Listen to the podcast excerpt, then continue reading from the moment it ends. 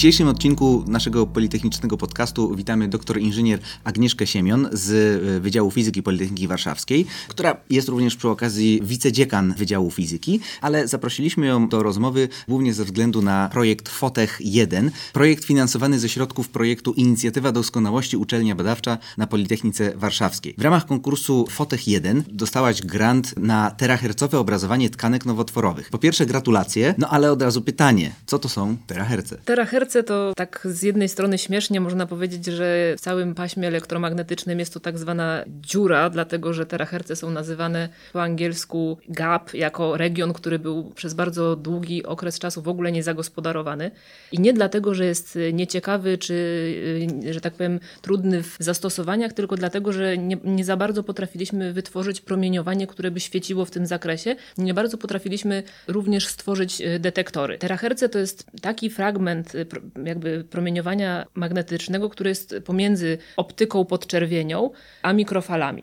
I o ile ze strony mikrofal jesteśmy, za, o, że tak powiem, zaopatrzeni w różne tam, nie wiem, anteny, y, nie anteny, wszystkie przesyły są jakby dobrze opracowane. Czy od technik radarowych po tak. naszą kuchnię i mikrofalówki, mikrofale tak. znamy dobrze. To, Czyli tak. mówiąc mikrofale, mamy na myśli fale milimetrowe, submilimetrowe. Tak. Okay. I, I, tak, i, i, potem te wszystkie no, radiowe to już tam dalej. Ale, ale te mikrofale, tak, no to tak, no właśnie i, i, i radarowo no, są bardzo, bardzo dobrze opracowane. Z drugiej strony mamy podczerwień i światło widzialne, które też są dobrze poznane, umiemy się, że tak powiem, w nich posługiwać. A tutaj w przypadku teraherców był problem taki, że ani źródła takie podczerwone, ani te źródła tak jakby no z, tej, z, tej, z tej gałęzi mikrofalowej tracą moc czyli są coraz słabsze. Mhm. Czyli jeżeli my coś chcieliśmy wygenerować jako promieniowanie terahercowe, no to, to tak naprawdę nie potrafiliśmy. To jak ta dziura została zapełniona? Czy pojawiły się lepsze źródła? Pojawiają się coraz lepsze źródła. Rozwój jest naprawdę według mnie bardzo duży na przełomie tak naprawdę końcówki zeszłego wieku no i, i, i tego. Bardzo duży jakby postęp jest w tym, że te źródła nie muszą być y, umieszczone w kriostacie, czyli no, mogą być coraz bardziej stosowane w takich warunkach też nie tylko laboratoryjnych.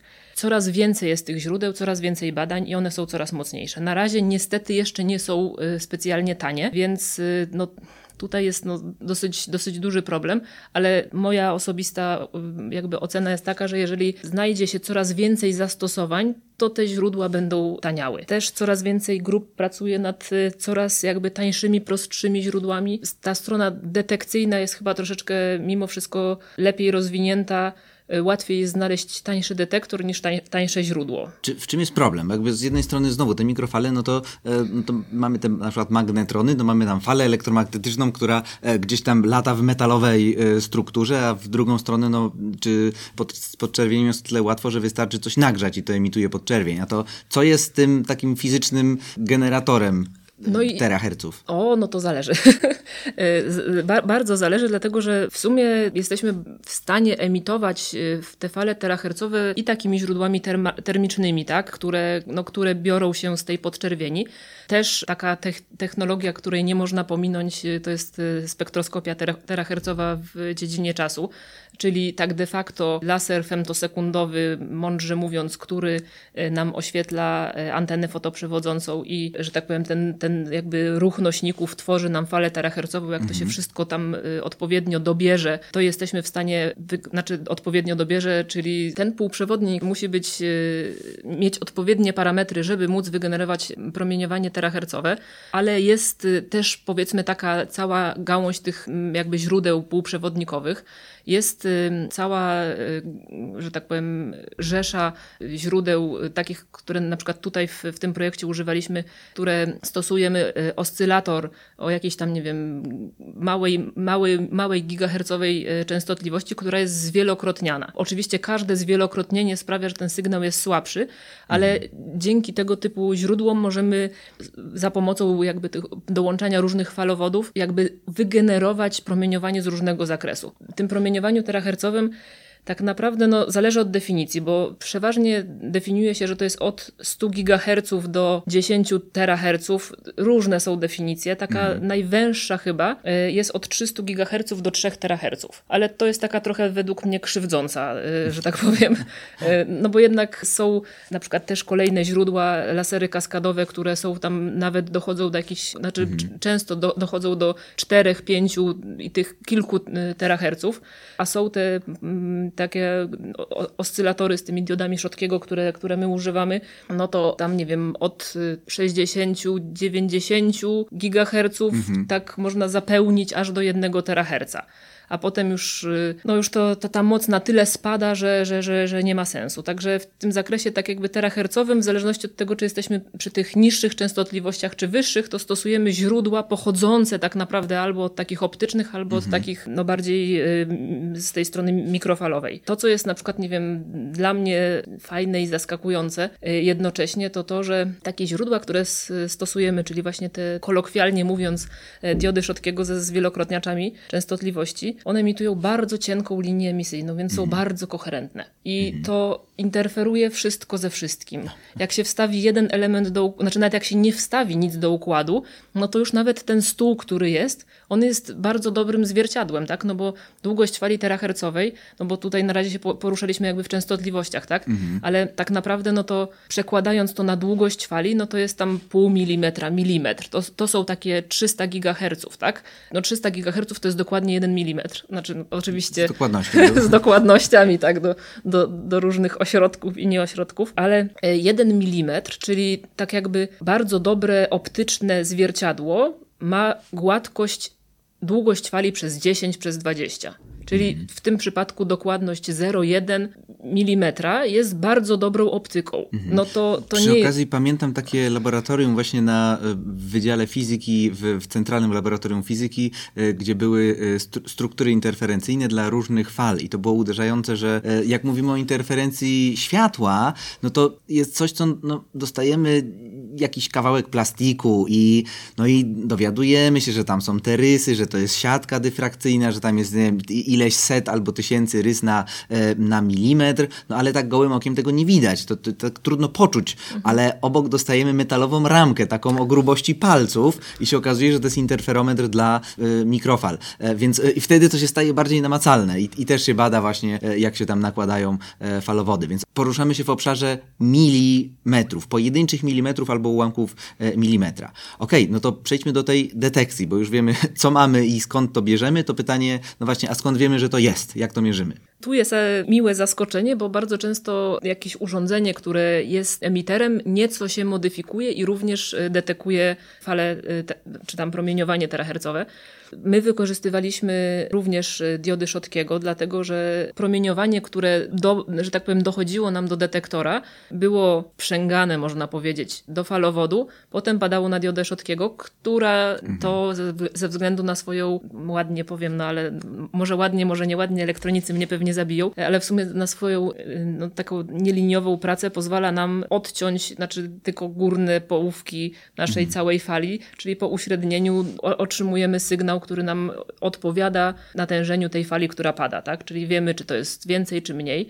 W różnych innych zastosowaniach y, no również jest cała rzesza różnych detektorów. Takim samym bliźniaczym przykładem jest właśnie ta spektroskopia w dziedzinie czasu, bo tam też emitujemy i detekujemy za pomocą anten fotoprzewodzących albo takich kryształów elektrooptycznych. Te teraherce bardzo dużo się stykają z takimi efektami y, nieliniowymi. Tu jest y, też jakaś tak, taka takie pole do, do, do badań e, rozwijane przez, przez wielu, wielu naukowców. Z naszej strony, jakby takiej optyków, no to ja zawsze miałam takie poczucie, że no jest emiter, jest detektor, a to, co pomiędzy jest takie naj, najfajniejsze. I, I zawsze jako optycy byliśmy takimi, że tak powiem, wyrzutkami na jakichś konferencjach, bo wszyscy tam albo emitowali, albo detekowali, a ja mówię, no dobrze, no ale to może coś z tym zrobić pomiędzy jakoś to, to przekierować. No i, i, i, trzeba przyznać, że, że no ta optyka taka terahercowa nie była specjalnie taką...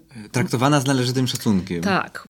Mówisz o tym pośrodku i właśnie patrzę, patrzę na schemat, który jest na stronie biuletyn.pwedu.pl. E, zachęcamy do przeczytania. No i właśnie są te układy optyczne, e, które budujecie i tam dużo się dzieje pośrodku, no bo tu są przesłony, tu są e, e, układy skupiające, tu rozpraszające, tu się pojawia jeden filtr, drugi filtr, więc no, sporo tych rzeczy robicie do, pośrodku. Więc może jeszcze pytanie, jak manipulujecie w międzyczasie tą wiązką? No właśnie to jest to, co jest jakby dla nas y, najciekawsze, tak, że to, że my wyemitujemy i jesteśmy w stanie zdetekować promieniowanie, to jest jedno, no ale druga rzecz jest taka, że to wszystko, co jest pomiędzy, możemy sobie troszeczkę pożyczyć z takiej zwykłej optyki, ale dzięki temu możemy też stworzyć jakiś układ, który do, do czegoś służy. Ciekawe jest to, że w sumie mimo że ta optyka taka terahercowa, oprócz takiej zwierciadlanej, tak, no bo, bo zwierciadła jakby wiadomo, że są jakby achromatyczne, bardzo mądre słowo, e, ale działają nam dla wszystkich częstotliwości tak samo, czyli czy ja to zwierciadło użyję do, dla promieniowania widzialnego, podczerwonego czy, mhm. czy terahercowego, to ono zawsze będzie działało tak samo, oczywiście zakładając, że odbija takie promieniowanie, no bo to, to, tą warstwę odbijającą trzeba, trzeba dobrać. Na czyli, szczęście... że rozmiar jest mniejszy niż jedna dziesiąta e, długości długości fali. Tak. Okay, czyli I, po prostu ściana. Warstwa, Każda ściana wa... będzie dla nas też zwierciadłem dla teraherców. No jak ją pokryjemy metalem? Okay. Bo ściana to, znaczy ściana na pewno jest nieprzezroczysta, też są różne opcje, jak to, y, różne kombinacje, czy, czy da się to obejść, czy się nie da obejść. No ale raczej, raczej na razie nie, nie, prze, nie przenikamy terahercami ale przez przy ściany. tych analogiach y, optycznych, no właśnie pokazywałaś mi kiedyś soczewkę, która miała kształt soczewki, ale bynajmniej nie była przezroczysta, jak tak. soczewka tak. świetlna. Z czego ona była? Albo z papieru, albo z różnego typu polimerów. I teraz pewnie chemicy mnie zjedzą, tak? Ponieważ te wszystkie materiały ja w ogólności nazywam plastikami, tak? bo to są poliamidy i poliamid jest bardzo dobrze przezroczysty w terahercach, a on dla światła widzialnego, znaczy w ogóle ma kolor, nie wiem, biały, czarny, jakieś tam różne domieszki. Dla światła widzialnego jest, jest nieprzezroczysty. E, są e, bardzo na przykład e, dobrym materiałem i bardzo przezroczystym dla teraherców jest teflon i wielki szok dla mnie był taki, że teflon jest biały, bo na każdej patelni jakby wygląda inaczej, ale głównie chodzi o to, że, że patelnie nie mają taki kolor, bo y, to jest klej, który pozwala nam przymocować ten teflon no, do jakiejś to klej jest czarny, tak? Ta, tak, i to, to, i to jakby sam teflon jest biały i naprawdę się nie chce kleić. No, no, to jest fatalne, dlatego że jak kiedyś mieliśmy problem z przymocowaniem soczewki w układzie, takiej teflonowej, no, no to, to, to, to nawet jej nie można, nie wiem, no nic z nią zrobić, tak? No trzeba po prostu dorobić taki uchwyt, żeby broń Boże niczego nie przykleić, bo się nie chce kleić. A propos tego, że człowiek się uczy całe życie, właśnie teraz sobie uzmysłowiłem, że faktycznie jak się uszczelnia gwinty, to się korzysta z taśmy teflonowej tak, i ona jest, jest biała. biała. I używałem wielokrotnie i, i, i do domowych zastosowań laboratoryjnych taśmy teflonowej. Dopiero teraz pierwszy raz mnie uderzyło, że faktycznie teflon na patelni wygląda na czarny, ale, więc dziękuję przy okazji za powiedzenie, że to nie ten teflon, tylko to, e, e, to ten klej. No, bo, znaczy, bo ja, e, że tak powiem, przeżyłam ten sam szok i stwierdziliśmy, że no ale jak to jest teflon, jak to jest białe, tak? No, to może jakiś inny materiał, na przykład tam, nie wiem, polietylen, tak? Czy tam, nie wiem, jakiś też bardzo dobry swoją drogą materiał terahercowy jest polietylen taki o, o, o dużej gęstości. Też jakby jest bardzo przezroczystym materiałem. Są jakieś tam, nie wiem, opcje, żeby używać, nie wiem, y, kwarcu, szafiru, ale one mają już wyższy współczynnik załamania. No i tutaj dochodzimy do czegoś takiego, że te materiały optyczne dzielą się na troszeczkę różne, y, na różne kategorie w zależności od tego, jaki mają współczynnik załamania. Ponieważ ja jestem optykiem, więc no trochę, trochę tutaj muszę włożyć od siebie. Szkło dla światła widzialnego to jest współczynnik załamania 1,5. Ono mhm. odbija około 4%. I teraz im wyższy mamy współczynnik załamania, tym więcej mamy tych strat odbiciowych pomiędzy przejściem z powietrza do szkła. I w przypadku no, takich zastosowań optycznych my nakładamy warstwy antyrefleksyjne właśnie po to, żeby jak najmniej się odbijało. Różne są y, zastosowania i jakby idee, które przyświecają po co nam te warstwy antyrefleksyjne. O ile w przypadku światła widzialnego, no to na przykład my chcemy mieć na okularach warstwę antyrefleksyjne, żeby nie widzieć wszystkich odbić światełek i rzeczy, które nas mogą rozpraszać, tylko żeby dobrze widzieć. O tyle na przykład w przypadku, że tak powiem, wracając do tych teraherców, w przypadku teraherców materiały optyczne zaczynają mieć wyższy współczynnik załamania, czyli te struktury zaczynają coraz więcej odbijać mhm. na tej pierwszej powierzchni. Skoro odbijają, to znaczy, że my to promieniowanie tracimy. No i materiałem takim złotym standardem, y, który jest jakby niedościgniony pod wieloma względami, jest krzem. Teraz dlaczego? Krzem jest tragiczny pod względem współczynnika załamania, bo ma powyżej 3, 3,4 około, co sprawia, że połowa się odbija y, na wejściu, na wejściu. Do, do, do, materiału. Czyli na przykład jest to idealny beam splitter, tak? czyli dzielnik wiązki, bo połowa się odbije, druga połowa przejdzie. No ale jeżeli my z tego krzemu robimy soczewkę i ta połowa nam się odbija, no to to jest tak de facto no, dla nas połowa straty. Możemy zastosować takie pokrycie e, antyrefleksyjne dla tego krzemu, jeżeli na przykład się używa ablacji laserowej. I to na mhm. przykład y, właśnie e, grupa, z którą współpracuję tutaj y, w, w ramach tego grantu, oni takie, takie rzeczy y, robili. Krzem z jednej strony wymaga właśnie takich pokryć antyrefleksyjnych, ale z drugiej strony jest bardzo, bardzo ciekawym materiałem, dlatego że ma bardzo równy współczynnik załamania dla całego promieniowania terahercowego. Czyli nie mamy problemów tak de facto y, w tworzeniu optyki dla tych mniejszych częstotliwości y, i większych. I jest bardzo, bardzo przezroczysty również dla całego zakresu. Także pod tym względem wyznacza taki złoty standard, ale pod względem tych odbić jest y, pole do coś poprawy. tak. Ale, ale, ale ten, ten krzem no, jest jakby bardzo często stosowany właśnie ze względu na swoje, głównie na, ze względu na przezroczystość i, i ten, że tak powiem, równomierny rozkład współczynnika załamania. Ma, bardzo mało osób, powiedzmy z tego grona terahercowego jest przyzwyczajonych do tego, że można zastosować so, soczewkę inną niż krzemowa. To jest takie pole do... Znaczy myślę, że mało kto wie, że mogą być soczewki papierowe.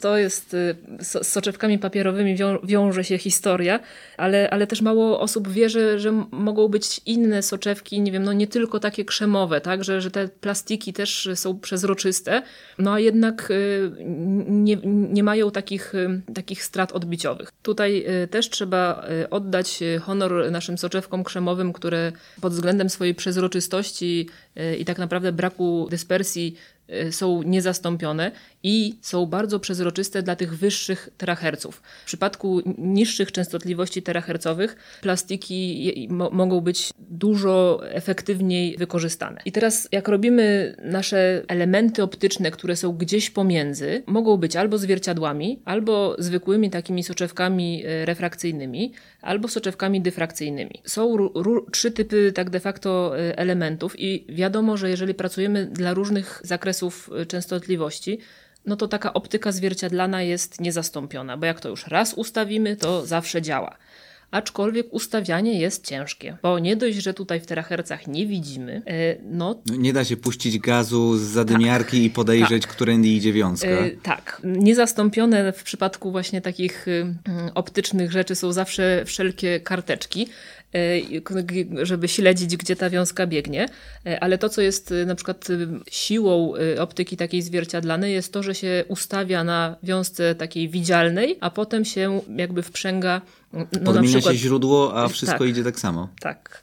Także, także to jest zaleta takiej optyki y, zwierciadlanej. Niestety jest to w sumie trudne w justowaniu. W porównaniu z y, taką optyką powiedzmy refrakcyjną czy, czy dyfrakcyjną, ponieważ tam dużo łatwiej, szybciej można mm, ustawić y, układ. I o ile do układów takich na, na zwierciadłach przeważnie używamy właśnie wiązki widzialnej, żeby zobaczyć jak, jaki jest bieg wiązek w układzie i gdzie nam się co skupia i dlaczego, to w przypadku soczewek no, jesteśmy w stanie to ustawić tak jakby na czuja, tak? I zrobić e, skan potem danej, w konkretnej płaszczyźnie sprawdzający, no i to działa, tak? Tutaj jest dużo większa taka jakby swoboda e, działania. Są też takie soczewki, które są przezroczyste i dla pasma terahercowego, i dla widzialnego, no ale no, no, takich materiałów dużo nie ma, tak? Więc raczej tutaj nie należy się przywiązywać do tego, że te soczewki będą działały i dla, dla dwóch zakresów promieniowania, i widzialnego, i terahercowego. Tworząc jakiekolwiek układy optyczne, no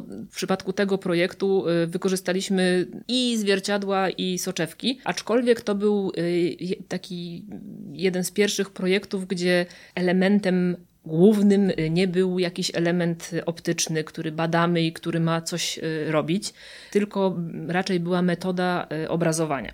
I do tego właśnie chciałem zmierzyć, że po co właściwie to wszystko? Co, co te teraherce nam dają i właśnie jakie są takie ogólne dotychczasowe zastosowania? No i pójść krok dalej, no właśnie, co wy wymyśliliście jako e, nowe zastosowanie? Zastosowania są ogólnie różne. Pierwsze takie, powiedzmy, zastosowania były raczej w dziedzinie astronomii. Dużo jest rzeczy, które świeci jakby w terahercach bądź gdzieś obok, e, aczkolwiek jest to taka jedno pole z wielu, w których można zastosować promieniowanie terahercowe bądź coś z niego, że tak powiem, uzyskać. Od pewnego, znaczy od dłuższego czasu y, wiadomo, że promieniowanie terahercowe jest niejonizujące, no bo jakby jest w zupełnie nie tej części, tak? Ma, ma, ma, te, te energie są niskie. E, także bardzo duży nacisk taki naukowy był w kwestii tego, żeby móc obrazować coś związanego z człowiekiem, żeby jakoś zastąpić to promieniowanie e, rentgenowskie, które no jednak nie jest dla nas obojętne. To wiesz, że byłem kiedyś y, w Moskwie, służbowo y, na warsztaty prowadziłem dla Uniwersytetu Dzieci i właśnie wracając na Szeremitiewie, no właśnie pan mnie poprosił, żebym wszedł do takiego kontenera i nagle tam podniósł ręce do góry i dookoła mnie przejechała maszyna i się strasznie zdziwiłem, że, że tak normalnie jak trzeba się prześwietlić, no to trzeba coś podpisać, wyrazić zgodę, nie powiedzieć, czy się nie jest w ciąży, chociaż po mnie może się nie spodziewali, e, no ale tak się, no, no właśnie, no, no, właśnie pytam, czy to takie jonizujące. Pan mi powiedział, że nie, ale nie chciał zdradzić szczegółów i dopiero potem się dowiedziałem, że, e, że to właśnie były teraherce, więc one już są, e, rozumiem, w, w użyciu. One są w użyciu, ale to też jest ta, te niskie częstotliwości. Takie skanery, które są na lotniskach, no i nie nie tylko, no ale powiedzmy takie y, skanery używane do, w celach jakby ochronnych, to są takie częstotliwości poniżej tych 100 GHz jednak. Mhm. Nieortodoksyjne. Tak, takie nieortodoksyjne terahertz, zdecydowanie. I tam jakby faktycznie jest, jest spory, dużo jest firm takich, które, które produkują takie portale, czy nawet takie skanery właśnie takie obrotowe, tak, bo ubranie jest przezroczyste, ale ciało człowieka, czyli woda jest nieprzezroczysta, tak. więc tak właśnie... naprawdę widzimy powierzchnię ciała, tudzież schowany pod e, przezroczystym ubraniem no, pistolet czy, e, czy coś innego. Tak, bo Pamiętam my... tylko, że awantura o to była, że to jest zbyt dokładne, e, znaczy, że zbyt dobrze widać detale ciała pod ubraniem tak. I, i tutaj był concerns tak. w, tym, w tym zakresie.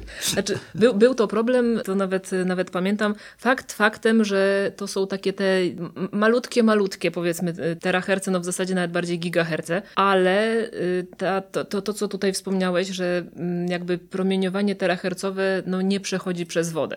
To jest duży, znaczy problem i nie problem, tak? No bo akurat w tym przypadku no my nie chcemy wnikać tam y, w ciało człowieka, tylko chcemy zobaczyć, czy tam jest ukryty pistolet albo nóż y, albo co tam jest pod kurtką. I tutaj faktycznie są, są za takie zastosowania, powiedzmy, w, w tym dziale ochrony, obronności, tak?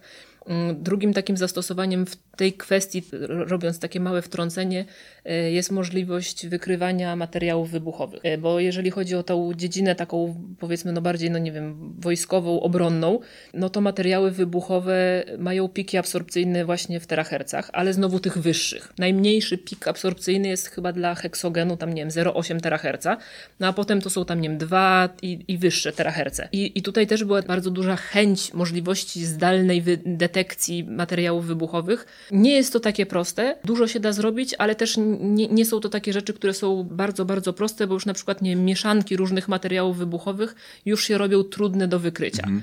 Rozumiem, że mówimy o spektroskopii, więc tak. fajnie, jeśli mamy dostęp do próbki, ale jeśli ona będzie schowana za chociażby płaszczem wodnym, tak. E, no to już jej po prostu fizycznie nie, nie zobaczymy. I, I, jakby to też tą główną jakby wadą w tym przypadku jest to, że no, ta woda jest nieprzezroczysta. Znaczy, ponieważ woda jest, para wodna jest wszędzie wokół wokół nas, tak, no to, no to wydawałoby się, że te teraherce są taką dziurą, gdzie już tam nie dość, że nie można emitować, detekować, tak, no to jeszcze woda jest nieprzezroczysta. Okazuje się, że nie jest tak źle, bo, bo są różne tak jakby okna transmisyjne w tym zakresie terahercowym, gdzie, no, gdzie mamy dosyć dobrą transmisję.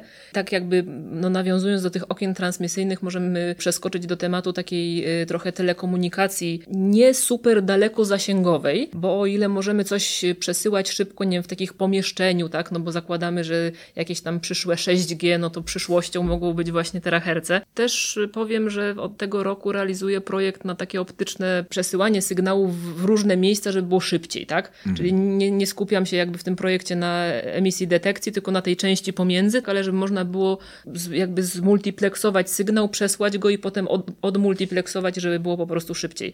Ale to jest taka komunikacja blisko-zasięgowa. W ramach takiej, no nie wiem, ciekawostki, y, a propos właśnie tych okien transmisyjnych jeszcze, no na jednej z konferencji w Dunkierce przez kanał przetransmitował, znaczy no była taka transmisja mhm. jakby wideo pomiędzy jedną, y, jednym brzegiem a drugim, y, no i to szło terahercowo. O, Także muszę. Już nie pytam, czy w 4K, czy w, w, w 1080p, ale no już sam fakt tak, pokazuje, znaczy, że można duże ilości danych przesłać tak, skutecznie. I to, i to w, w miarę fajnie, fajnie zadziałało.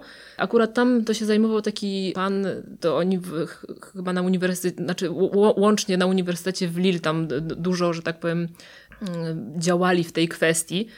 I to było takie bardzo zjawiskowe, tak, że jednak no, mimo tej dziury terahercowej, no to, no to to się działo, tak, to, to było obecne i, i ta transmisja faktycznie, faktycznie była skacząc teraz dalej w zastosowaniach, bo już mamy tak de facto jakąś mhm. tam takie działania, mówiąc trochę może po Znaczy widzimy, że wcale nie jest aż taka luka. No, nie, no nie dzieje. jest właśnie, to tak tam na początku była taka, taka luka, ale tak de facto no to i te jakby takie mm, bezpieczeństwo, tak, i te materiały wybuchowe i tu mamy telekomunikację, też y, ze względu na to, że jest niejonizujące, to bardzo silny taki trend jest y, właśnie w te zastosowania y, biologiczne, medyczne. I, I tu płynnie przechodzimy tu płynnie do przechodzimy... współpracy warszawsko-litewskiej, czyli znaczy polsko-litewskiej, tak. czyli warszawsko-wileńskiej. No i właśnie przechodzimy do tego grantu Fotech 1, jak się domyślam.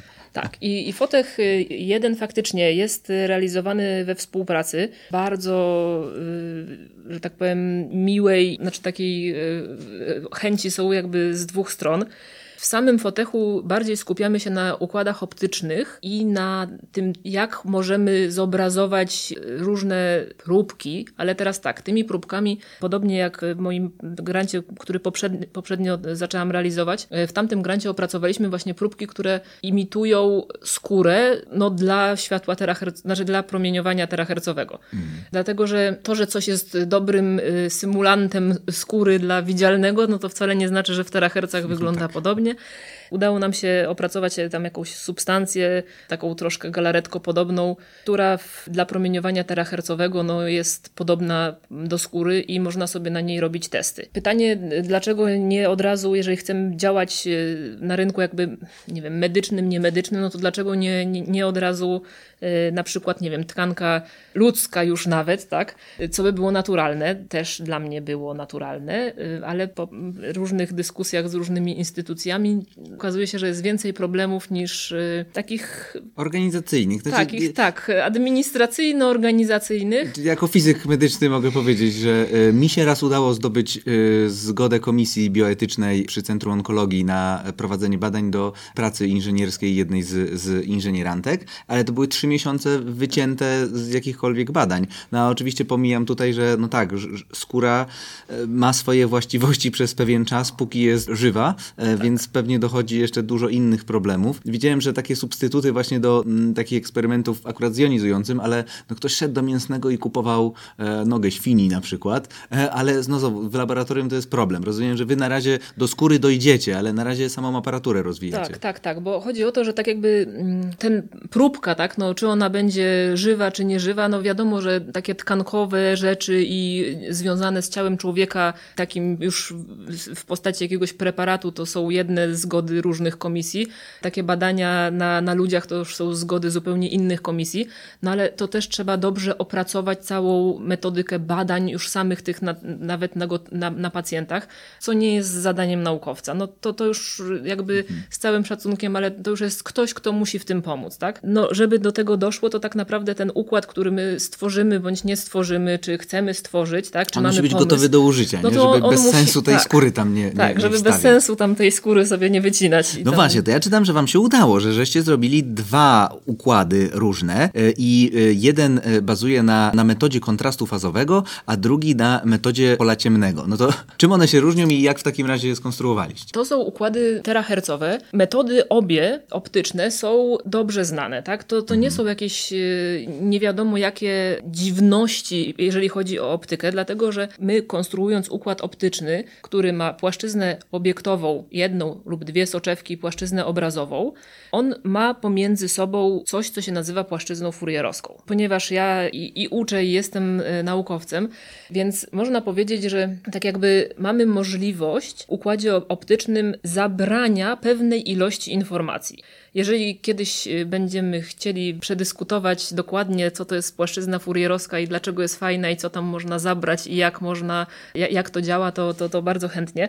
Ale no może tutaj w tych terahercach, mimo że jest to bardzo istotne, to, to pominiemy ten temat. Ale chodzi o to, że w układzie optycznym możemy w jednej konkretnej płaszczyźnie wstawić, nie wiem, na przykład właśnie jakiś filtr, żeby zabrać bądź zmienić promieniowanie, które potem stworzy obraz. Jest to na tyle mm, istotne, że jeżeli mamy jako nasz obiekt coś, co jest przezroczyste, nieprzezroczyste dla danego typu promieniowania, no to potem detektor, który detekuje natężenie, widzi, że tu było jasno, tu było ciemno, wiadomo, jest obrazek, tak? Tu było mhm. bardziej przezroczyste, tam nie było. W przypadku obiektów, y, które są bardzo, bardzo przezroczyste i na przykład takimi obiektami tutaj w świetle widzialnym były bakterie albo jakieś tam te różne biologiczne preparaty, tak? Które no jak się patrzy pod mikroskopem, tak? No to w zasadzie no jest jasno widać i jasno. Wylot, tak. no, no w zasadzie no nic nie widać. Wtedy właśnie powstała jakby chęć wykorzystania tego filtrowania w układzie optycznym, żeby te obiekty, które są przezroczyste, móc jednak w jakiś sposób zobaczyć. No i takimi metodami y, jest na przykład najprostsza chyba metoda Schlieren, czyli taka, że zakładam, za, zasłaniamy połowę tego, co ma nam przejść. Drugą właśnie prostą metodą jest... To ta znana z tego, że się na przykład zapala zapalniczkę tak. i widać, i widać, I widać dym. Te, te to, to nawet do, znaczy, widać...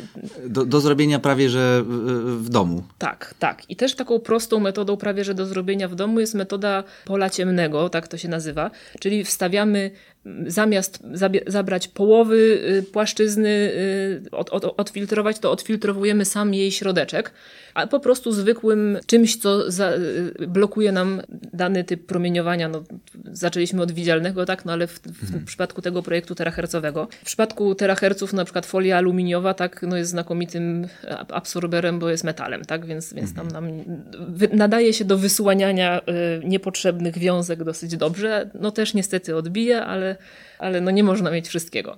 Teraz, jeżeli chcemy zobrazować coś, co jest przezroczyste, no to właśnie czy taka metoda e, Schlieren, czy metoda pola ciemnego zabierają nam część promieniowania i dzięki temu możemy uzyskać obraz zarejestrowany jako natężenie światła tego czegoś, co było przezroczyste. Ale to coś, czyli ten nasz obiekt, musi spełniać pewne założenia. Bo jeżeli on był idealnie jednorodny, to my byśmy nie zobaczyli żadnego obrazu.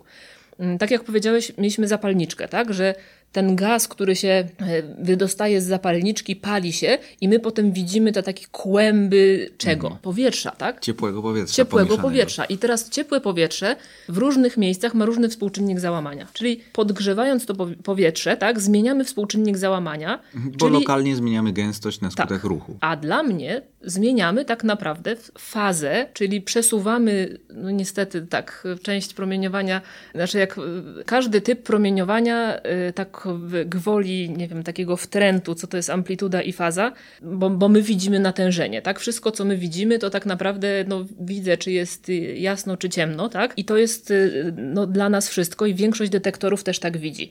Światło jest trochę bardziej skomplikowane, bo ma i amplitudę i fazę. Mhm. Y, amplituda mówi nam w skrócie, czy jest jasno, czy ciemno, a faza skąd coś pochodziło. Czyli jeżeli my zmienialiśmy tutaj w tej naszej zapalniczce współczynnik załamania, czyli nam się inaczej uginało to promieniowanie, czy widzialne, czy, czy jakieś tam potem inne, i dzięki temu właśnie w tej fazie odczytujemy różnicę, co tam się działo. Jeżeli coś jest przezroczyste, czyli wszędzie w amplitudzie będzie równe 1, ale te zmiany tej fazy tak, czyli tego współczynnika załam załamania, mówią nam o tym, że tam jednak coś jest. Czy tam to będzie jakiś, nie wiem, preparat biologiczny czy zapalniczka, to my to będziemy w stanie zobaczyć. I to jest właśnie piękne w tych metodach filtracji, ponieważ jest sporo materiałów, które są dosyć dobrze przezroczyste dla teraherców, ale jednak chcielibyśmy zobaczyć, czy da się zrobić właśnie takie obrazowanie, no w tym przypadku no albo cienkich y, warstw, które wprowadzają małe opóźnienia fazowe, albo w przypadku czegoś, co jest bardzo przezroczyste, a chcemy coś zobaczyć, czy jest coś w środku, to zdecydowaliśmy się użyć właśnie tych metod y, filtracji. Y, one się nazywają ładnie metodami filtracji przestrzennych. Mo może mi się wymknąć takie, takie określenie. Mamy dwie metody, tak? Takie najprostsze właśnie tą metodę Schlieren i pola ciemnego, bo po prostu blokujemy kawałek promieniowania. Y, metoda kontrastu fazowego to jest taka, którą wykorzystuje się w mikroskopach i ona jest mikroskop kontrastu fazowego i za tym y, czymś stoi nazwisko pana Fritza Zernike. Jest często wykorzystywana. Różni się tym, że zamiast blokować środkową część promieniowania, to wprowadzamy właśnie takie opóźnienie fazowe, czyli sprawiamy, że część promieniowania taka, która przechodzi nam przez próbkę na wprost, jest inaczej opóźniona niż te wszystkie szczegóły. I dzięki temu możemy zobaczyć te wszystkie detale, szczegóły, te wszystkie zmiany. Jest y, o tyle lepsza, że łącznie przechodzi nam więcej światła, więc ten obraz jest tak jakby no jaśniejszy. Tak? Metoda pola ciemnego, jak się sama nazywa, no, wycina. No, wycina większość. Tak, tak, samo Schlieren no, wycinamy połowę tak, y, tak. obrazu, który już wcześniej rozmawialiśmy o tym, że tu się odbił, tu go, tu go straciliśmy. Tak. No dobra, a jaki jest dodatkowy problem z cienkimi warstwami? W przypadku y, tutaj terahercowym mamy wiele problemów jakby powiedzmy optycznych, bo, bo ta optyka troszeczkę, troszeczkę inaczej działa, ale jeżeli mamy coś, co jest albo cienkie, albo przezroczyste, to nie możemy tego zobrazować. W tym projekcie właśnie no, były takie pierwsze mm, próby, zrobienia czegoś, żeby móc zobrazować nasz... Y, coś naszą, cienkiego coś i przezroczystego. Cienkiego. Tak, i przezroczystego. I teraz w ogóle, jeżeli chcemy iść w tym kierunku, tak, no to dla mnie w tym momencie takim kluczowym parametrem, który jest wielkim problemem, jeżeli chodzi w ogóle o, o pracę z promieniowaniem terahercowym, jest to, że nie mamy wystarczająco dużych elementów. Bo zakładając, że chcemy uzyskać obraz, to musimy mieć obiekt. No ten obiekt nie jest maleńki, tak? tylko ten obiekt jest duży. W pewnym momencie się okazuje, że skoro nasz obiekt jest powiedzmy, no nie wiem, 5 na 5 cm czy 10 na 10, mhm. nasz obraz no będzie podobny, no możemy go tam trochę przeskalować, ale to co jest pomiędzy, ten układ optyczny, no musi mieć w tym momencie średnicę 10 i powyżej, żeby to jakoś działało. To są właśnie zderzenia pomiędzy różnymi, pracą w różnych zakresach e, e, częstotliwości, e, bo zderzeniem takiego optyka światła widzialnego wchodzącego w promieniowanie terahercowe jest to, że oni mają ustawiony układ na przykład na zwierciadłach o średnicy 5 cm. No to 5 cm. To, to jest nieskończenie wiele w porównaniu do kilkuset nanometrów tak. długości tego światła. Znaczy, no, jak mamy to dla światła widzialnego, tak, tam nie wiem, 500 nanometrów, 5 cm, no jest mhm. spora różnica, tak? A tu mamy milimetr i 50 mm, to jakby, no nie wiem, no pinhola to jest, nie wiem, 20 mikrometrów, czyli to tak jakby miała pół y, mikrona długość fali i 20 mikronów, tak, no to to jest tak mniej więcej 40 mhm. długości fali, a tu całe zwierciadło ma 50. To co, co my tam obrazujemy, tak? No tak naprawdę to obserwujemy jakieś dziwnej, y, że tak powiem, treści, jakieś dyfrakcje, tak? I w sumie no ciężko to nazwać układem obrazującym. A jak ktokolwiek sobie teraz wstuka obrazowanie y, terahercowe w internecie, to zobaczymy piękne obrazy, mm. ładne, z dobrą rozdzielczością.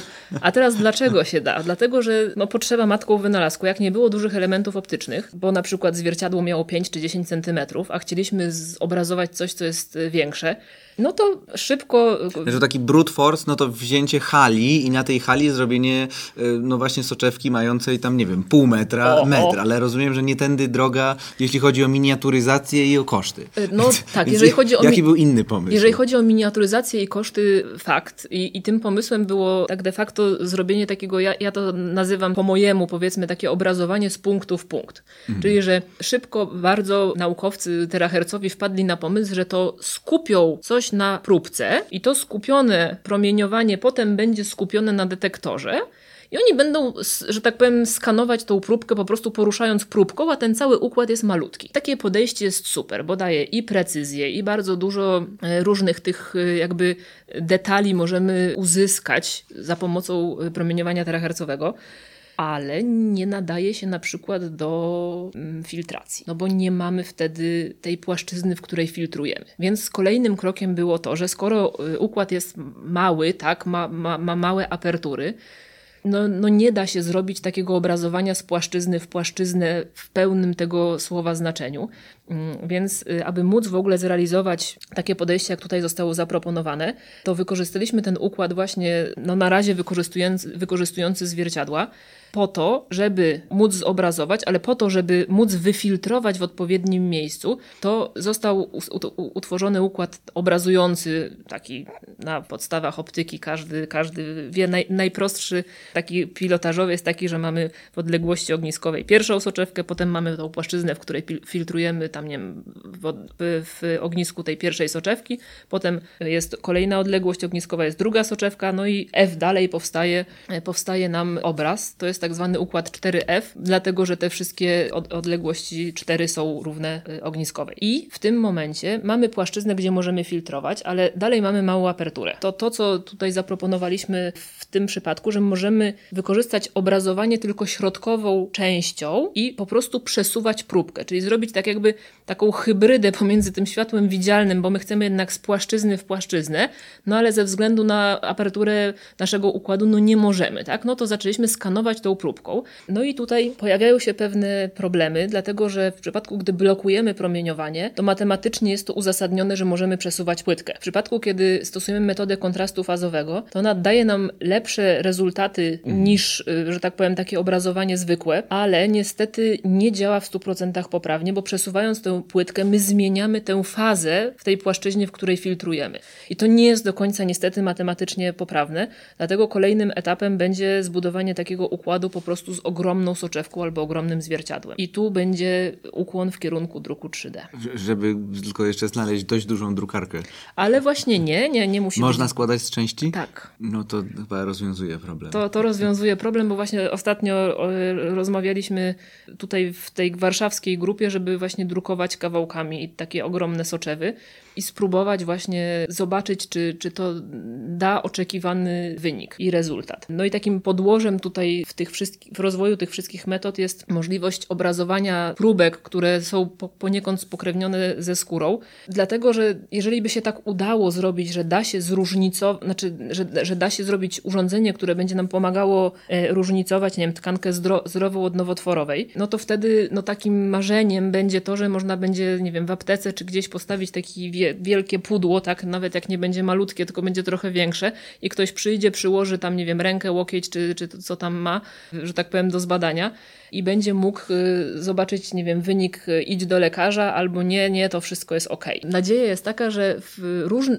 w zakresie różnych promieniowań te tkanki nowotworowe są w sumie bardzo dobrze widoczne i rozróżnialne w tym zakresie terahercowym. Bardzo dużo badań było robionych na nowotworach różnych wewnętrznych y, narządów i te mm, nowotwory były wycinane albo jakieś Tylko fragmenty histopatologia, były... to Taka... było wycięte i tak, wzięte znaczy, na zewnątrz. I histopatologia, ale też również takie obrazowanie, że tam nie jest kawałek jakiegoś tam mięśnia, tłuszczu i, na, i jakiś fragment jest jakby y, taką zmianą nowotworową i, i w terahercach to było widać. Była taka jedna publikacja, która pokazywała obrazowanie róż, dla różnych zakresów częstotliwości i po, porównanie z takim wycinkiem histopatologicznym.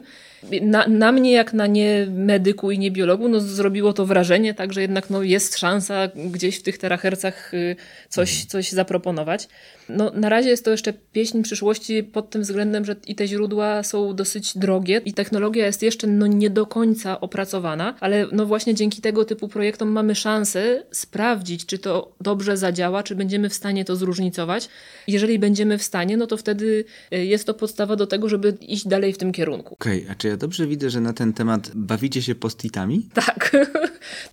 Bawimy się postitami. Dlaczego? Dlatego, że papier jest dosyć dobrze przezroczysty mm -hmm. dla teraherców. I też na, na, na początku wspomniałam, że soczewka może być z papieru. Tak jest. E, tak, może być, dlatego że papier ma współczynnik załamania taki dosyć podobny jak szkło dla światła widzialnego. Oczywiście nie jest super przezroczysty, ale jest bardzo łatwy w produkcji. A dlaczego? Postity są tanie. No, postity są tanie, ale nawet jakbyśmy chcieli zrobić soczewkę taką bardziej skomplikowaną, to również nie jest to super drogie, na co wpadliśmy kiedyś z moim mężem, będąc na naszym pierwszym wyjeździe takim terahercowym i właśnie się okazało, że tam, nie wiem, ktoś tam włożył jakiś papier, że ten papier, no o ile światło widzialne nam blokował, no to te teraherce nie za bardzo i tak patrzymy, że no jak się włoży tą kartkę papieru, to, no to tak nie blokuje i okazało się, że badając właściwości jakby papieru, że no jest w miarę przezroczysty, a ma dobry współczynnik załamania, będąc również rok po ślubie, stwierdziliśmy, że no można by było wyciąć soczewkę z papieru, bo na przykład jak nam zaproszenia ślubne wycinali jakieś takie różne finezyjne wzory i robią czy tam jakieś koronki prawie nawet. tak, dziurki, jakieś, tak, otworki. Tak. No to czemuż by to nie mogła być soczewka? No i właśnie firma y, produkująca zaproszenia ślubne zgodziła się nam wydrukować soczewki. Także, także bardzo, bardzo fajnie podeszli do sprawy. Y, zrobili zamówienie niezbyt, że tak powiem, standardowe.